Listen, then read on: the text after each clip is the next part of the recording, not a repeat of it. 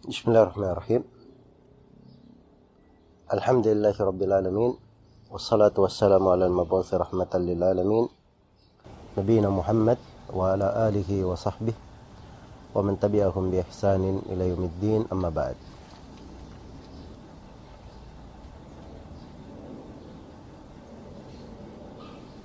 Alhamdulillah pada pagi hari ini kembali kita berjumpa dalam kajian tanya jawab online ini.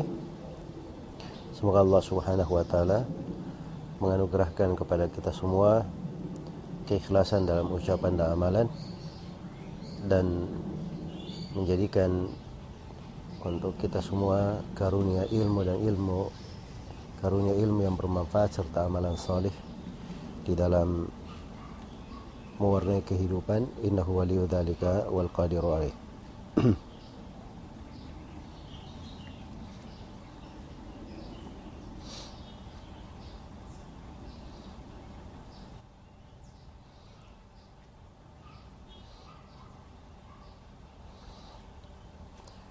Baik ada pertanyaan dari YouTube. Yang pertama, apakah petugas jenazah yaitu yang memandikan dan mengkafankan jenazah boleh meminta bayaran? Jawabannya kalau boleh boleh saja. Hanya saja itu mengurangi pahala. Karena menyelenggarakan jenazah memandikan, mengkafaninya, mengantarnya itu bagian dari fardu kifayah yang ditegakkan atas seorang muslim dan muslimah yang meninggal. Atas seorang muslim dan muslimah yang meninggal. Dan tidak ada yang melarang dari dalil untuk mengambil upah di dalam hal tersebut. Kalau upahnya diambil tanpa ada syarat diberi begitu tanpa ada syarat maka itu tidak diragukan tentang bolehnya. Tetapi kalau misalnya dia memintanya atau mempersyaratkannya, maka ini adalah hal yang mengurangi pahala. Boleh tetapi mengurangi pahala. Baik, pertanyaan yang kedua.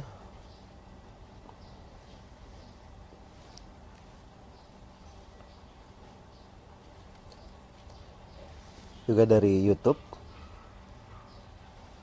saya seorang pedagang yang menggunakan sistem PO. Yaitu saya mengumpulkan orang yang mau membeli dagangan saya. Setelah terkumpul sekian pemesanan baru saya pergi belanja sesuai jumlah banyaknya pesanan. Setelah saya miliki barulah saya melakukan transaksi jual beli. Barang saya serahkan Setelah barang saya serahkan, baru saya terima uang dari pembeli tersebut. Apakah sistem PO ini melanggar syariat? Kalau bentuk yang disebutkan di sini, ini bentuk yang tidak ada masalah.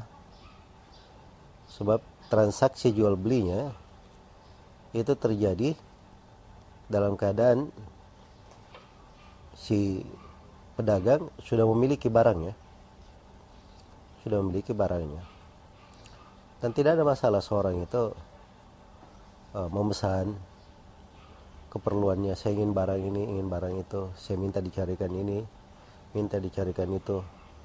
Atau seorang berkata saya mampu untuk mencarikan begini dan begitu. Ya.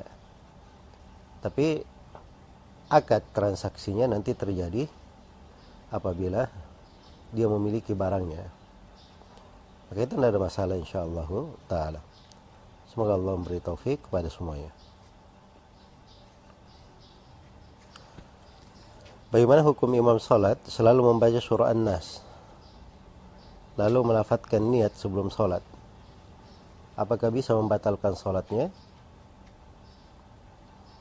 Jadi seorang imam apabila dia akan salat sebelum takbiratul ihram dia baca Qul a'udzu birabbin nas dahulu. Setelah itu melafatkan niat nawaitu an usolli dan seterusnya. kemudian baru takbiratul ihram. Apakah membatalkan sholat jawabannya itu tidak membatalkan sholat dari sudut keabsahan sholat tetapi perbuatan tersebut adalah perbuatan yang tidak disyariatkan. Iya. Jadi sebenarnya kenapa membaca surah An-Nas katanya supaya terhindar dari gangguan dan was-was syaitan. Nah, itu sebenarnya perbuatan ini bentuk dari was-was juga. Karena tiap kali dia mau sholat dia was-was akan diganggu oleh syaitan. Ya padahal sebenarnya seorang itu dia ketika akan sholat dia cukup mengikhlaskan niatnya. Diarahkan hatinya wajahnya dan dirinya kepada Allah kemudian dia masuk ke takbiratul ihram dengan khusyuk. Ya, dengan memahami bacaan yang dia baca maka itu akan memberi pengaruh yang besar di dalam sholatnya. Semoga Allah memberi taufik kepada semuanya. Apa hukum duduk iftirash pada saat tasyahud akhir? Karena duduknya sempit Jawabannya duduk iftirash itu sunnah di dalam sholat. Sunnah di dalam sholat. Sebagaimana duduk tawarruk, itu juga sunnah di dalam sholat. Ya, kalau misalnya di tasyahud terakhir, di sholat yang punya dua tasyahud, dia harusnya duduk tawarruk, tetapi di sebelah, di sampingnya, uh, bisa tersakiti kalau dia duduk tawarruk, atau tempatnya sempit seperti yang disebut penanya di sini, maka tidak ada masalah dia duduk iftirash. Sebab ini sunnah-sunnah di dalam sholat. Dan sunnah-sunnah dilakukan di dalam sholat itu apabila tidak mengganggu ketenangan sholat, dan apabila tidak mengganggu orang yang sholat di sampingnya. Semoga Allah memberi taufik kepada semuanya. Mohon penjelasannya tentang Islam melarang mencela Tuhan agama lain. Apakah ini benar? Jawabannya itu benar ya. Karena dalam Al-Quran dikatakan wala tasubbul ladina yad'una min dunillahi fayasubbullaha adawan bighairi ilm. Dan janganlah kalian mencela orang-orang yang berdoa atau beribadah kepada selain Allah sehingga mereka balik mencela Allah tanpa ilmu. Ya. Jadi kalau dia mencela orang kafir, atau dari agama orang kafir, dari simbol orang kafir yang mengakibatkan orang kafir itu balik mencela Allah, balik mencela Islam, balik mencela Rasulullah sallallahu alaihi wasallam, maka itu adalah hal yang diharamkan, tidak diperbolehkan. Dan itu dihukum sama dia mencela Allah dan Rasulnya. Karena itu suatu hari Rasulullah sallallahu alaihi wasallam bersabda, "La'anallahu man la'ana walidayhi." Allah melaknat orang yang melaknat kedua orang tuanya. Maka para sahabat bertanya Rasulullah, bagaimana seorang itu melaknat kedua orang tuanya? Ya, Rasulullah bersabda, dia melaknat orang tua orang, lalu orang orang itu balik melaknat orang tuanya. Maka itu sama hukumnya dengan melaknat kedua orang tuanya. Dan ini semisal dengan apa yang ditanyakan, apabila dia mencela dari apa yang diibadahi oleh orang yang menyembah kepada selain Allah dan mengakibatkan Allah dan Rasulnya dicerai secara langsung ya maka ini adalah hal yang diharamkan. Ini satu sudut dari fikih di dalam agama perlu dipahami. Tapi di sudut lain juga harus diketahui bahwa menjelaskan kekafiran bahwa ini perbuatan kafir ini amalan kekufuran. Ya beribadah kepada selain Allah adalah kekufuran. Yang mengatakan bahwa Allah Subhanahu wa taala satu dari tiga itu adalah kekafiran. Yang mengatakan bahwa Allah adalah Nabi Isa itu adalah kekafiran. Iya. Dan yang mengatakan oleh sujud kepada selain Allah itu adalah kekafiran. Yang menyembah berhala-berhala itu adalah kekafiran. Itu prinsip-prinsip agama. Itu bagian dari keislaman dan tidak syah keislaman seseorang kecuali dengan meyakini itu. Maka hal yang sifatnya keyakinan, perkara yang merupakan bagian dari agama, tidak boleh dibawa di dalamnya. Ya, dalam mana oh ini tidak usah kita singgung. Kita harus toleransi. Kita harus berlapan dada. Nah, itu bukan orang yang beragama namanya. Setiap orang yang beragama dia meyakini kebenaran agamanya. Ya. Nah, itu di dalam keislaman adalah inti dalam agama. Tidak meyakini kafirnya orang kafir, itu artinya murtad keluar dari Islam tidak meyakini bahwa orang yang meyakini Allah itu satu dari yang tiga atau Allah memiliki anak atau Allah adalah Isa bin Maryam tidak meyakini kekafiran itu itu dia kafir keluar dari Islam dalam hukum Islam iya ini orang-orang yang kadang mengajak kepada toleransi dia namakan dirinya moderat tapi kebablasan keluar dari tuntunan agama keluar dari tuntunan agama. Jadi dibedakan dua masalah. Ya, kalau dia mencela dari simbol agama atau dari agama orang yang mengakibatkan Allah dan Rasulnya dicela, itu tidak boleh dia lakukan. Itu satu sudut. Tapi sudut lain, dia berlepas diri dari kekafiran, meyakini kafirnya orang kafir. Ya, maka itu bagian dari agama. Semoga Allah Subhanahu wa taala memberi taufik kepada semuanya apa yang harus dilakukan saat menjadi imam dan batal saat sujud. Jadi kalau dia batal pada saat sujud, dia boleh berdiri, kemudian menupuk atau berisyarat kepada orang yang di belakangnya untuk bertakbir, lalu menuntunnya supaya maju ke depan menggantikannya sebagai imam. Supaya maslahat sholat berjamaah tetap berjalan. Ya. Adapun kalau dia sementara batal pada saat sujud kemudian dia tinggalkan sholat ini tidak benar. Karena itu artinya dia membiarkan orang-orang di belakangnya tidak melanjutkan sholatnya yang membiarkan orang-orang di belakangnya tidak melanjutkan sholatnya. Maka harus ada kesan atau dia memberitahukan atau dia menuntun orang yang di belakangnya supaya dia menggantikannya sebagai imam. Semoga Allah memberi taufik kepada semuanya. Apa hukumnya berfoto-foto untuk kenang-kenangan hanya disimpan di HP? Ya perlu diketahui ya bahwa mengambil gambar dalam bentuk foto itu masuk di dalam keumuman hadith-hadith tentang haramnya gambar. Masuk dalam keumuman hadith-hadith tentang larangan menggambar. Seperti Rasulullah bersabda la'anallahul musawwirin. Allah melaknat orang-orang yang menggambar. Ketika dilihat di sebagian gereja di Habasyah penuh dengan gambar-gambar, maka disampaikan hal itu kepada Nabi sallallahu alaihi wasallam maka Nabi berkata, Ulaika syirarul khalqi indallah. Mereka adalah sejelek-jelek makhluk di sisi Allah. Iya. Kalau tidak ada keperluan, maka itu tidak diperbolehkan. Misalnya keperluan dalam hal yang mendesak, KTP, kartu keluarga, atau e, perkara yang memang penting di dalam kehidupan. Selain daripada itu, tidak diperbolehkan. Semoga Allah memberi taufik kepada semuanya.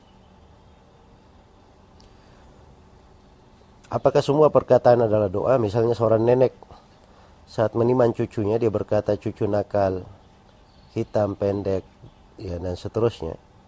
Padahal e, semua sifat itu masih bisa berubah. Ya ucapan kadang bisa bermakna doa ya. Karena itu dibawakan dengan bahasa-bahasa yang baik. Ya. Anaknya misalnya hitam tetap dia sebut misalnya manis, atau cucunya misalnya terlalu banyak geraknya dia nggak bilang nakal dia katakan gesit atau yang semisal dengannya hal-hal yang mengandung makna positif karena hal-hal yang mengandung makna negatif itu kadang tidak diniatkan tapi dia bisa berbentuk doa kejelekan karena itu hendaknya dihindari oleh para orang tua dan orang-orang yang melihat anak-anak semoga Allah subhanahu wa ta'ala memberi taufik kepada semuanya Bagaimana hukum menjual pernak-pernik perempuan seperti make up, perhiasan, tas, sepatu dan sebagainya? Bagaimana jika orang yang membeli karena ingin cantik di depan publik, bukan di depan suami. Berdosakah kita yang menjual? Yang pertama yang dijual ini dia pastikan dulu adalah barang-barang yang halal. Jadi make up, perhiasan, tas yang dia jual itu adalah hal yang halal. Maka sepanjang yang dijual adalah hal yang halal, asalnya halal untuk dia melakukan transaksi jual beli dengannya. Adapun orang yang membelinya, ya kita tidak dibebani untuk menanyakan apa niat dia membeli, dia beli untuk apa. Sebab asalnya jual beli dibolehkan. Kecuali kalau diketahui secara pasti dia akan memakainya ke dalam dosa dan maksiat. Ya. Maka ini masuk di dalam keumuman firman Allah wala ta'awanu 'alal itsmi wal udwan. Jangan kalian tolong menolong di atas dosa dan permusuhan. Semoga Allah memberi taufik kepada semuanya.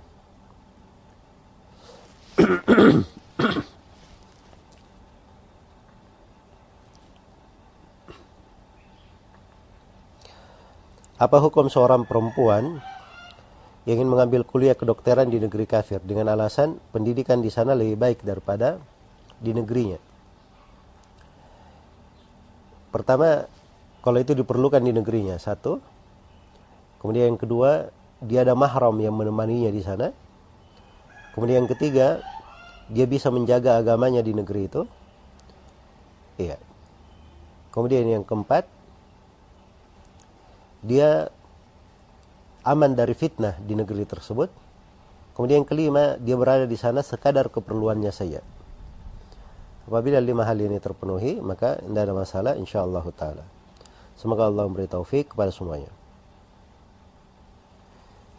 Bagaimana jika kita mempunyai musuh dikarenakan dakwah sunnah yang kita sebarkan? Apakah akan memberatkan di akhirat? Yang memberatkan apa? Kalau memberatkan pahala, mungkin memberatkan pahala. Ya, kalau dikatakan memberatkan bermana dia berdosa akan dituntut di akhirat. Ini harus dia pahami dia kalau berdakwah, dakwanya adalah dakwah yang benar, maka para nabi dan para rasul itu semuanya ada musuhnya. Wa kadzalika ja'alna likulli nabiyyin aduwan syayatin al-insi wal jin. Demikianlah kami jadikan untuk setiap nabi ada musuhnya dari kalangan syaitan manusia dan syaitan jin. Yaitu lain aduan minal mujrimin. Musuh dari orang-orang mujrim. Itu dijadikan pada dakwah para nabi. Tujuan dan cobaan tapi kalau maksud penanya di sini menyebarkan dakwah sunnah, dia kadang menyebarkan hal yang baik tapi cara menyampaikannya nggak bagus, mengajak manusia untuk bertengkar, untuk berkelahi, seperti perbuatan sebagian anak muda. Ya, ini masuk dalam kesalahan pribadi ya, harus dia perbaiki, harus dia luruskan. Semoga Allah memberi taufik kepada semuanya. Apa hukum memakai foto ulama sebagai sampul video pendek di kajian YouTube apakah bisa dihukumi menggambar makhluk bernyawa ya saya sudah terangkan bahwa gambar yang sifatnya tetap tidak berubah itu masuk di dalam hukum gambar yang diharamkan. Tapi kalau gambar dia sifatnya tidak tetap ditampilkan kemudian hilang itu tidak ada masalah. Itu tidak ada masalah. Iya. Itu kesimpulan di dalam pembahasan ini. Sambil saya ingatkan bahwa seorang itu dalam hal yang seperti ini jangan bergampangan mengambil dari gambar-gambar, foto-foto misalnya pada perkara-perkara yang tidak ada manfaatnya. Ya. Kemudian disampul-sampul kalau membuat video, yang penting itu bukan gambarnya, yang penting adalah judulnya. Ya. Yang penting adalah judulnya. Semoga Allah Subhanahu wa taala memberi taufik kepada semuanya.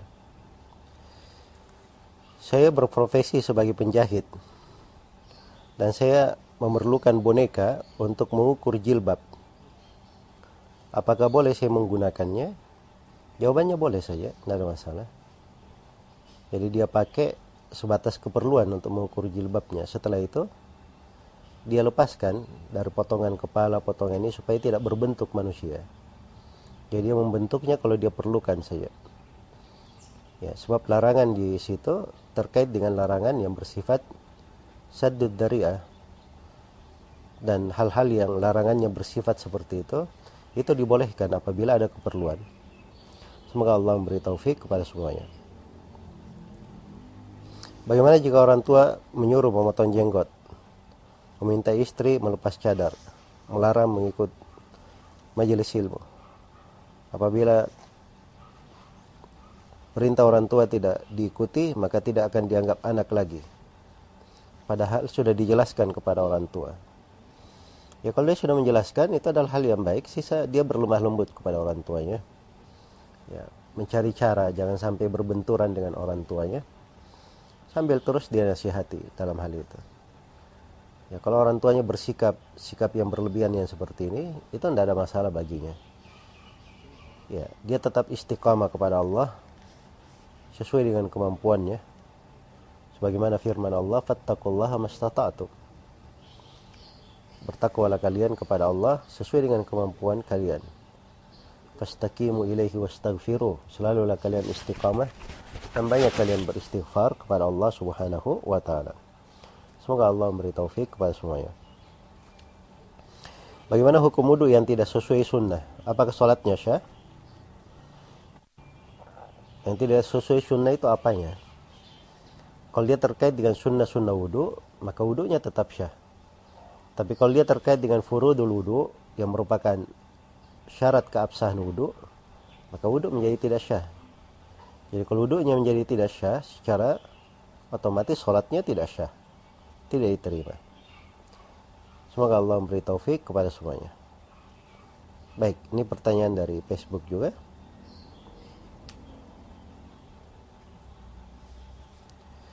Seorang teman yang bekerja di Ban Riba dan ingin hijrah langkah apa yang harus dia lakukan? Sholat sudah rajin, bahkan sudah sholat tahajud. Ya bagus dalam hal itu di, terus diberi motivasi untuk dia menegakkan sholatnya. Ya dan menegakkan hal-hal yang disunnahkan. Tapi diingatkan tentang bahaya kerja di bank. Karena riba itu bekerja di bank ribawi. Karena riba itu salah satu dari dosa besar. Dan dosa itu bisa membahayakan hati mungkin akan membuat dia di masa depan menjadi sulit sholat sulit sholat malam dan seterusnya. Iya. Dan sebelum itu semuanya orang-orang yang ingin kembali ke jalan yang lurus itu selalu didekatkan hatinya kepada Allah. Disucikan jiwanya dibersihkan dari hatinya dari segala bentuk kesyirikan, ria, penyakit-penyakit hati agar supaya dia lebih bergerak untuk menghadap kepada Allah Subhanahu wa taala. Semoga Allah memberi taufik kepada semuanya. Baik ini dari Facebook juga saya minta nasihat Ustadz karena saya melihat para penuntut ilmu sekarang mengurusi masalah-masalah di mana dia belum punya potensi untuk masuk dalam hal tersebut. Apa nasihatnya agar para penuntut ilmu fokus untuk menuntut ilmu jangan tersibukkan dengan hal-hal yang menjauhkan dia dari ilmu. Ya jadi kalau dia katakan para penuntut ilmu ini kalimat terlalu luas ya. Mungkin dia katakan ada beberapa para penuntut ilmu atau ada sekelompok penuntut ilmu. Iya. Kalau orang yang belajar dan menuntut ilmu itu dasarnya ilmu yang dia pelajari itu membimbingnya kepada kebaikan adalah hal yang mengantarnya kepada jalan yang lurus. Kalau ada sebagian penuntut ilmu yang keluar dari jalan, itu wajar karena memang syaitan itu tidak senang kepada orang yang belajar dan menuntut ilmu. Makanya dia berusaha untuk memalingkan para penuntut ilmu dengan berbagai cara. Di antaranya dengan mengurus hal-hal yang tidak ada manfaatnya. Atau dia dibuat tertipu, dia belajar seakan-akan dia sudah berilmu, mampu masuk di segala masalah padahal dia belum layak untuk masuk di dalam masalah tersebut. Iya. Ini juga musibah di masa sekarang ini karena ada sebagian dai-dai yang kadang muncul viral di apa namanya di layar-layar media. Padahal orang-orang yang harusnya masih perlu belajar banyak Iya, apalagi masuk di dalam urusan-urusan umum. Perselisihan antara dai-dai. Perbedaan antara yang belajar di sini dan belajar di sana. Masuk di dalam mengurusi langkah-langkah dakwah para nabi dan para rasul. Ya perselisihan yang dibangun di atas hal-hal yang detail. Ini kadang sebagian orang lancang masuk di dalam perkara-perkara yang tidak layak baginya ya padahal kalau diperiksa dari ceramah-ceramahnya mungkin banyak hal yang tampak di situ kejahilannya bentuk berbicara tanpa ilmu. Tapi itu musibah juga dari jerat syaitan menyesatkan sebagian orang. Kadang dibuat penuntut ilmu itu senang tampil. Ya cinta untuk tenar cinta terkenal. Kalau sekarang ini senang untuk viral. Banyak followernya banyak yang mengikutinya bisa diterima di sana sini. Ya dan tidak seperti itu seorang yang belajar menuntut ilmu.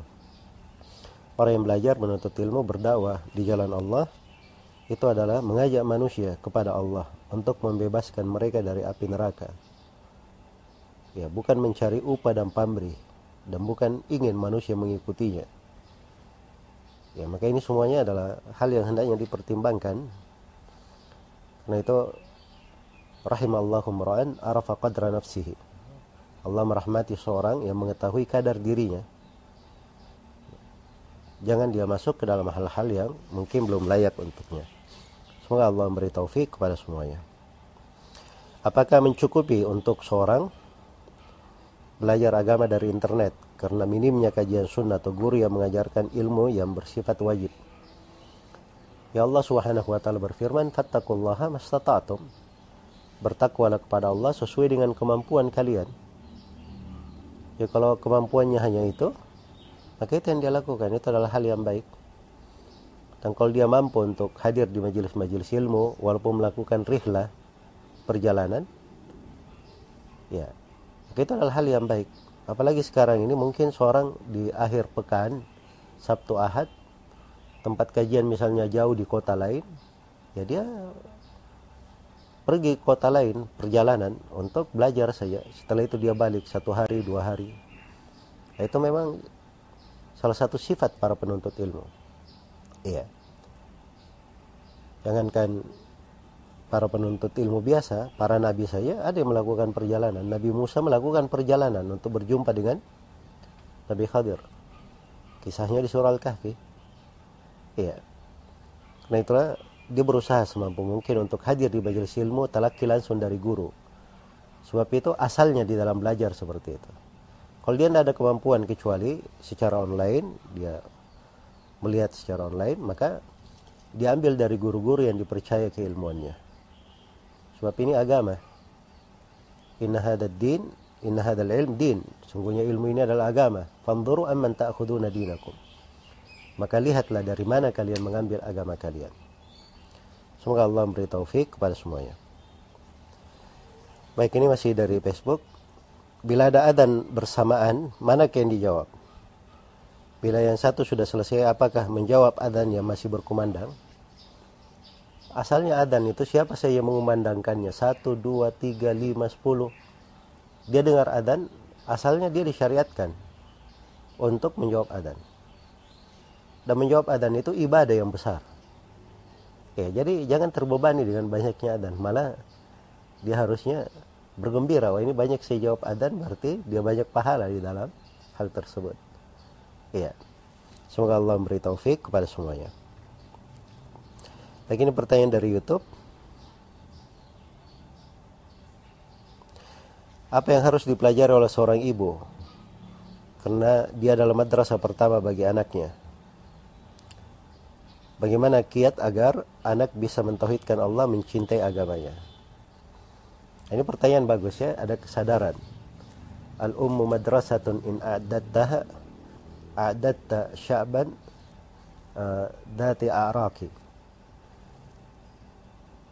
ibu itu adalah madrasah. Apabila engkau siapkan madrasah ini dengan baik, itu artinya engkau menyiapkan satu negeri penuh yang memiliki kekuatan. Ya, jadi penduduk negeri, kekuatan negeri itu berasal dari anak-anak. Anak-anak lahir dari seorang ibu. Maka ibu adalah madrasah. Kalau ibunya disiapkan dengan baik, maka akan menjadi baik untuk anaknya. Karena itu seorang ibu, dia belajar menuntut ilmu. Ya, dan itu pokok di dalam pendidikan. Dia belajar dan menuntut ilmu agar supaya dia memiliki dari pegangan-pegangan pengetahuan-pengetahuan yang bisa diajarkan kepada anak-anaknya. Kalau dia tidak bisa seperti itu, maka dia mengarahkan anaknya untuk belajar kepada orang yang berilmu. Dia jaga pergaulannya. Dia pelihara anaknya dari hal yang bisa menelantarkan anaknya, apalagi menjatuhkannya ke dalam dosa, membuatnya menyimpang. Ya, sambil dia banyak berdoa kepada Allah agar supaya anaknya diberi taufik, diluruskan jalannya. Semoga Allah memberi taufik kepada semuanya. Bagaimana hukum seorang istri yang bekerja di suatu kantor, sedangkan suaminya tidak menginginkan hal demikian? Dia telah bekerja sebelum menikah karena menjalankan keinginan orang tua. Ini harusnya hal-hal yang seperti ini diselesaikan sebelum terjadi pernikahan. Jadi perempuan kalau dia kerja di tempat sebuah ker, tempat kerja yang di situ boleh baginya, tidak ada pelanggaran syariat, maka kita tidak boleh melarang ya. Kalau memang dia ada keperluan untuk membiayai orang tuanya misalnya membiayai dirinya, Nah, kalau dia menikah, maka harusnya dari awal diberitahukan akan hal tersebut. Ya, dan si perempuan juga memberi syarat dari awal. Misalnya kalau dia ingin tetap bekerja karena diperlukan oleh keluarganya, dia katakan bahwa saya menikah tapi dengan syarat saya tetap bekerja. Iya.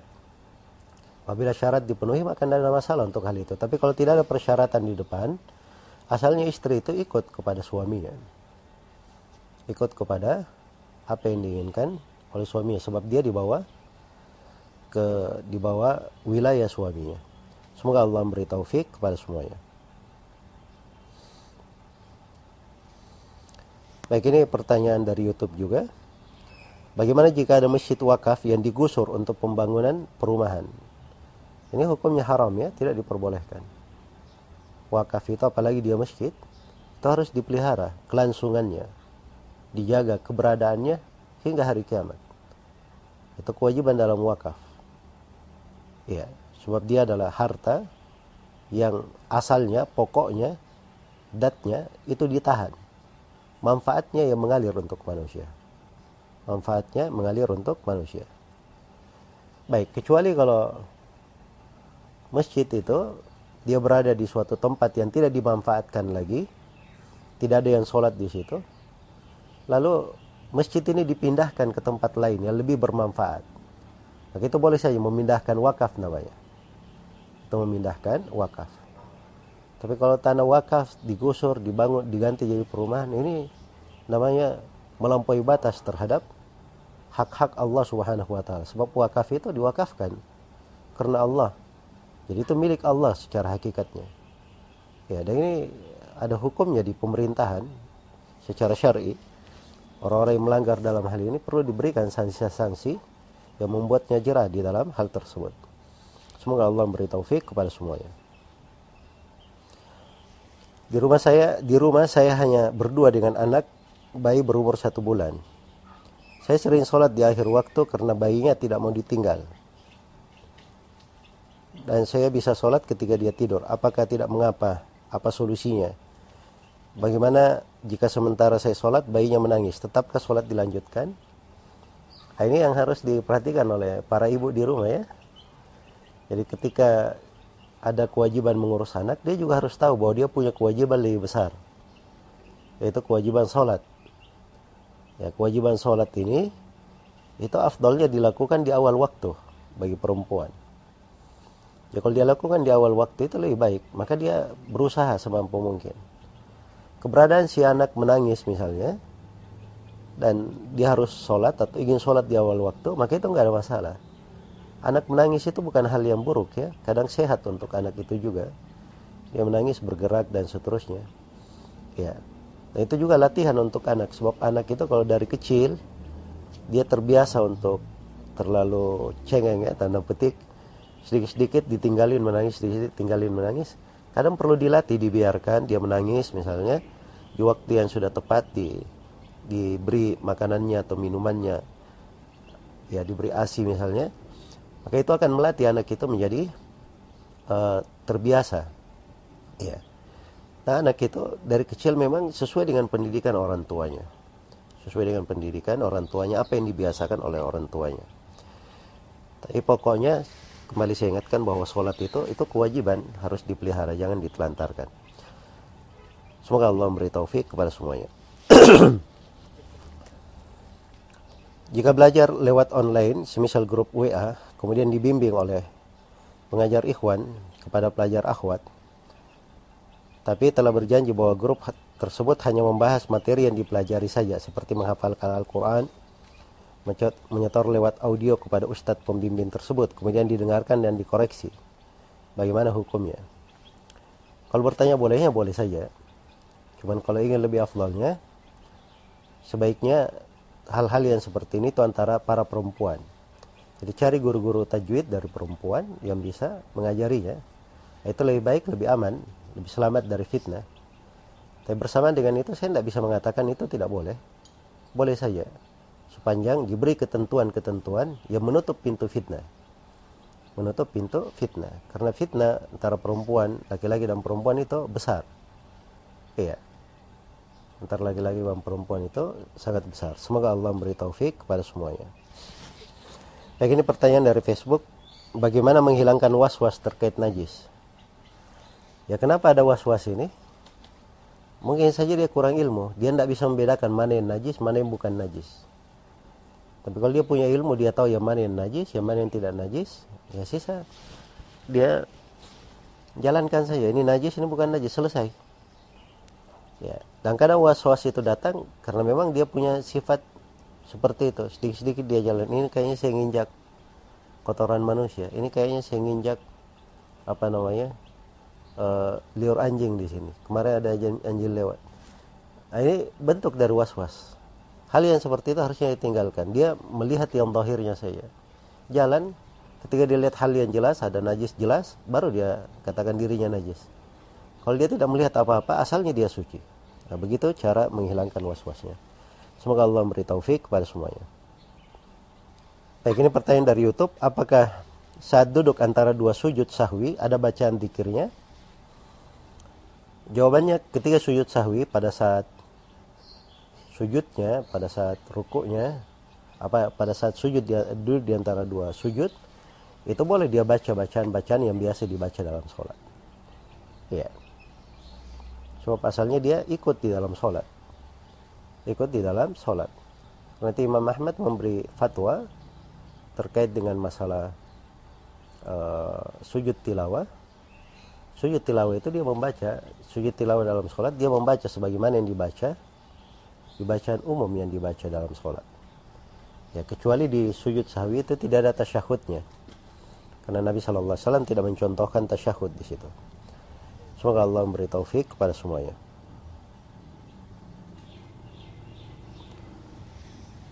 Mohon nasihatnya untuk seorang ibu yang ditinggal anaknya. Sampai sekarang beliau selalu bersedih. Apakah ini termasuk penolakan terhadap takdir? Ya kesedihan seorang ibu ditinggal mati misalnya meninggal anaknya itu adalah suatu hal yang lumrah, perkara yang alami. Tabiat manusia seperti itu sedih. Iya. Tapi kalau kesedihan yang di belakangnya dia menolak seakan-akan tidak terima ketentuan Allah. Iya. Atau terus dia dihalangi oleh kesedihannya membuat pekerjaannya terlantar, menjatuhkannya ke dalam hal yang diharamkan, tidak melakukan kewajibannya. Ini yang berbahaya. Itu yang berbahaya. Harus dia luruskan dirinya. Ya, dan nasihat yang terbaik sebagaimana dikatakan oleh Nabi adalah bersabar. Ya bersabar, kemudian dia mengharapkan pahala di belakang hal tersebut. Dan dia yakini apabila dia kehilangan sesuatu yang dia cintai, lalu dia bersabar, Allah akan mengganti dia dengan yang lebih baik darinya, apakah di dunia maupun di akhirat. Semoga Allah memberi taufik kepada semuanya. Bolehkah kita mandi biasa, lalu kita niatkan wudhu? Boleh saja. Seorang mandi biasa, dia niatkan dengan wudhu, itu dibolehkan. Itu masuk di dalam keumuman hadith Aisyah karena Nabi sallallahu alaihi wasallam la yatawaddau ba'dal ghusl. Nabi sallallahu alaihi wasallam itu tidak beruduk setelah mandi. Semoga Allah memberi taufik kepada semuanya. Baik ini pertanyaan dari Facebook, apakah dibolehkan menonton kajian di YouTube pada saat di kantor?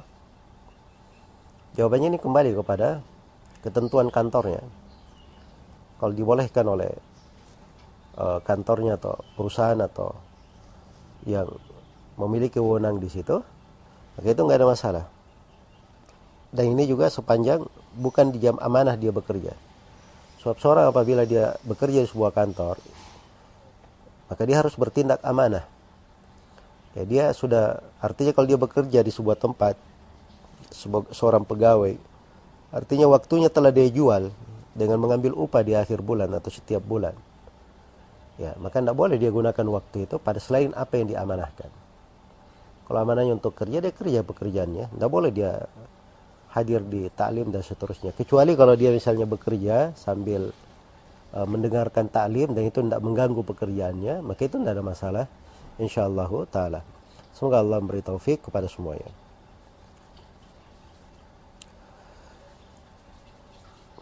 Apakah hadis tentang bacaan khusus dalam sujud tilawah itu sahih? Iya. Ada memang haditnya tentang bacaan khusus dalam sujud tilawah itu berasal dari dua hadit dan kedua hadit tersebut ada kelemahan. Keluar hadis tersebut semuanya ada kelemahan. Yang paling mending ada keterputusan. Dan hadis yang terputus itu masuk di dalam hadis yang lemah. Karena itu yang difatwakan oleh Imam Ahmad sujud tilawah apabila itu di dalam sholat maka dibaca seperti bacaan sholat ya tapi kalau dia di luar sholat ya tidak ada bacaan khusus di dalam hal tersebut semoga Allah memberi taufik kepada semuanya jika seorang melakukan pembatal keislaman, bagaimana cara bertobatnya? Apakah perlu orang tersebut memperbaharui keislamannya? Ya kalau dia melakukannya dalam keadaan dia sadar, dia tahu tentang hal tersebut, ya. Maka apabila dia bertobat kepada Allah Subhanahu wa taala, dia bersyahadat kembali sebab dia kafir tadinya, dia bersyahadat masuk ke dalam Islam. Ya. Tapi kalau pembatal-pembatal keislaman itu dia tidak tahu hukumnya sebelumnya.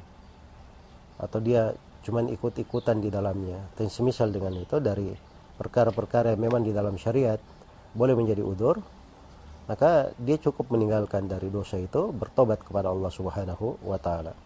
Semoga Allah memberi taufik kepada semuanya. Baik ini pertanyaan dari YouTube. Saya punya kakek dan kakek saya mempunyai adik adik si kakek ini memiliki cucu. Apakah boleh si cucu tersebut dinikahkan? Maksudnya dinikahkan dengan penanya barangkali ya. Kalau dinikahkan dengan dirinya. Jadi uh, dia menikah dengan uh, cucu dari uh, pamannya. Ya, paman dari cucu dari pamannya anak paman itu jangankan cucu, anaknya saja boleh dia nikahi. Kalau paman hubungan dengan sepupu, antara sepupu itu boleh menikah, bukan mahram. Ya, kecuali kalau terikat persusuan, nah itu baru ada kemahraman. Tapi kalau tidak diikatan persusuan, ya maka boleh untuk menikah di dalam hal tersebut. Semoga Allah memberi taufik kepada semuanya. Baik, saya baca tiga pertanyaan terakhir. Ya ini Masya Allah ya masih banyak sekali pertanyaan yang saya belum bisa jawab. Masih ada 40-an pertanyaan.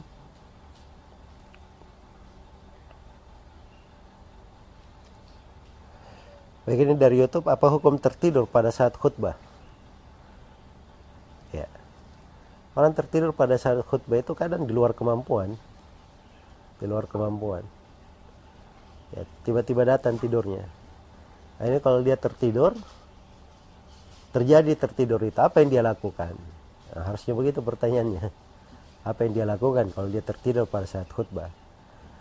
Kalau tertidurnya sedikit ya dalam keadaan dia duduk maka itu tidak ada masalah insya Allah tidak membatalkan apa namanya tidak membatalkan wudhu ya tapi kalau tertidurnya panjang dari awal khutbah ya sampai akhir ya, dia tertidur dia hanya bangun ketika dibangunkan oleh orang yang di sekitarnya maka ini dia keluar pergi beruduk kemudian dia ikut sholat. Semoga Allah memberi taufik kepada semuanya. Baik ini pertanyaan dari YouTube, apakah memasang bendera saat 17 Agustus termasuk merayakan hari Id selain Islam dan merupakan tasyabuh bil kufar? Ya ini masuk di dalam perkara adat ya, perkara kebiasaan saya berjalan di tengah sebuah masyarakat dan itu tidak ada masalah insyaallah taala. Baik. Semoga Allah memberi taufik kepada semuanya. Baik ini pertanyaan terakhir, apa solusinya jika seorang penuntut ilmu tertarik kepada lawan jenis di media sosial? Ya ini menunjukkan bahwa yang ditanyakan itu sudah terkena fitnah media sosial. Ya, sepanjang dia terkena hal yang seperti itu dia harusnya bertakwa kepada Allah, jangan mendekati hal-hal yang bisa membahayakannya. Ya, kalau misalnya dia sudah terlanjur, ada ketertarikan itu memfitnahnya, dia tahu, ya dia datang saja melamarnya langsung ke orang tuanya. Jangan melanjutkan hubungan di media sosial, sebab itu adalah sumber fitnah dan perkara yang bisa menjerumuskannya ke dalam berbagai bahaya.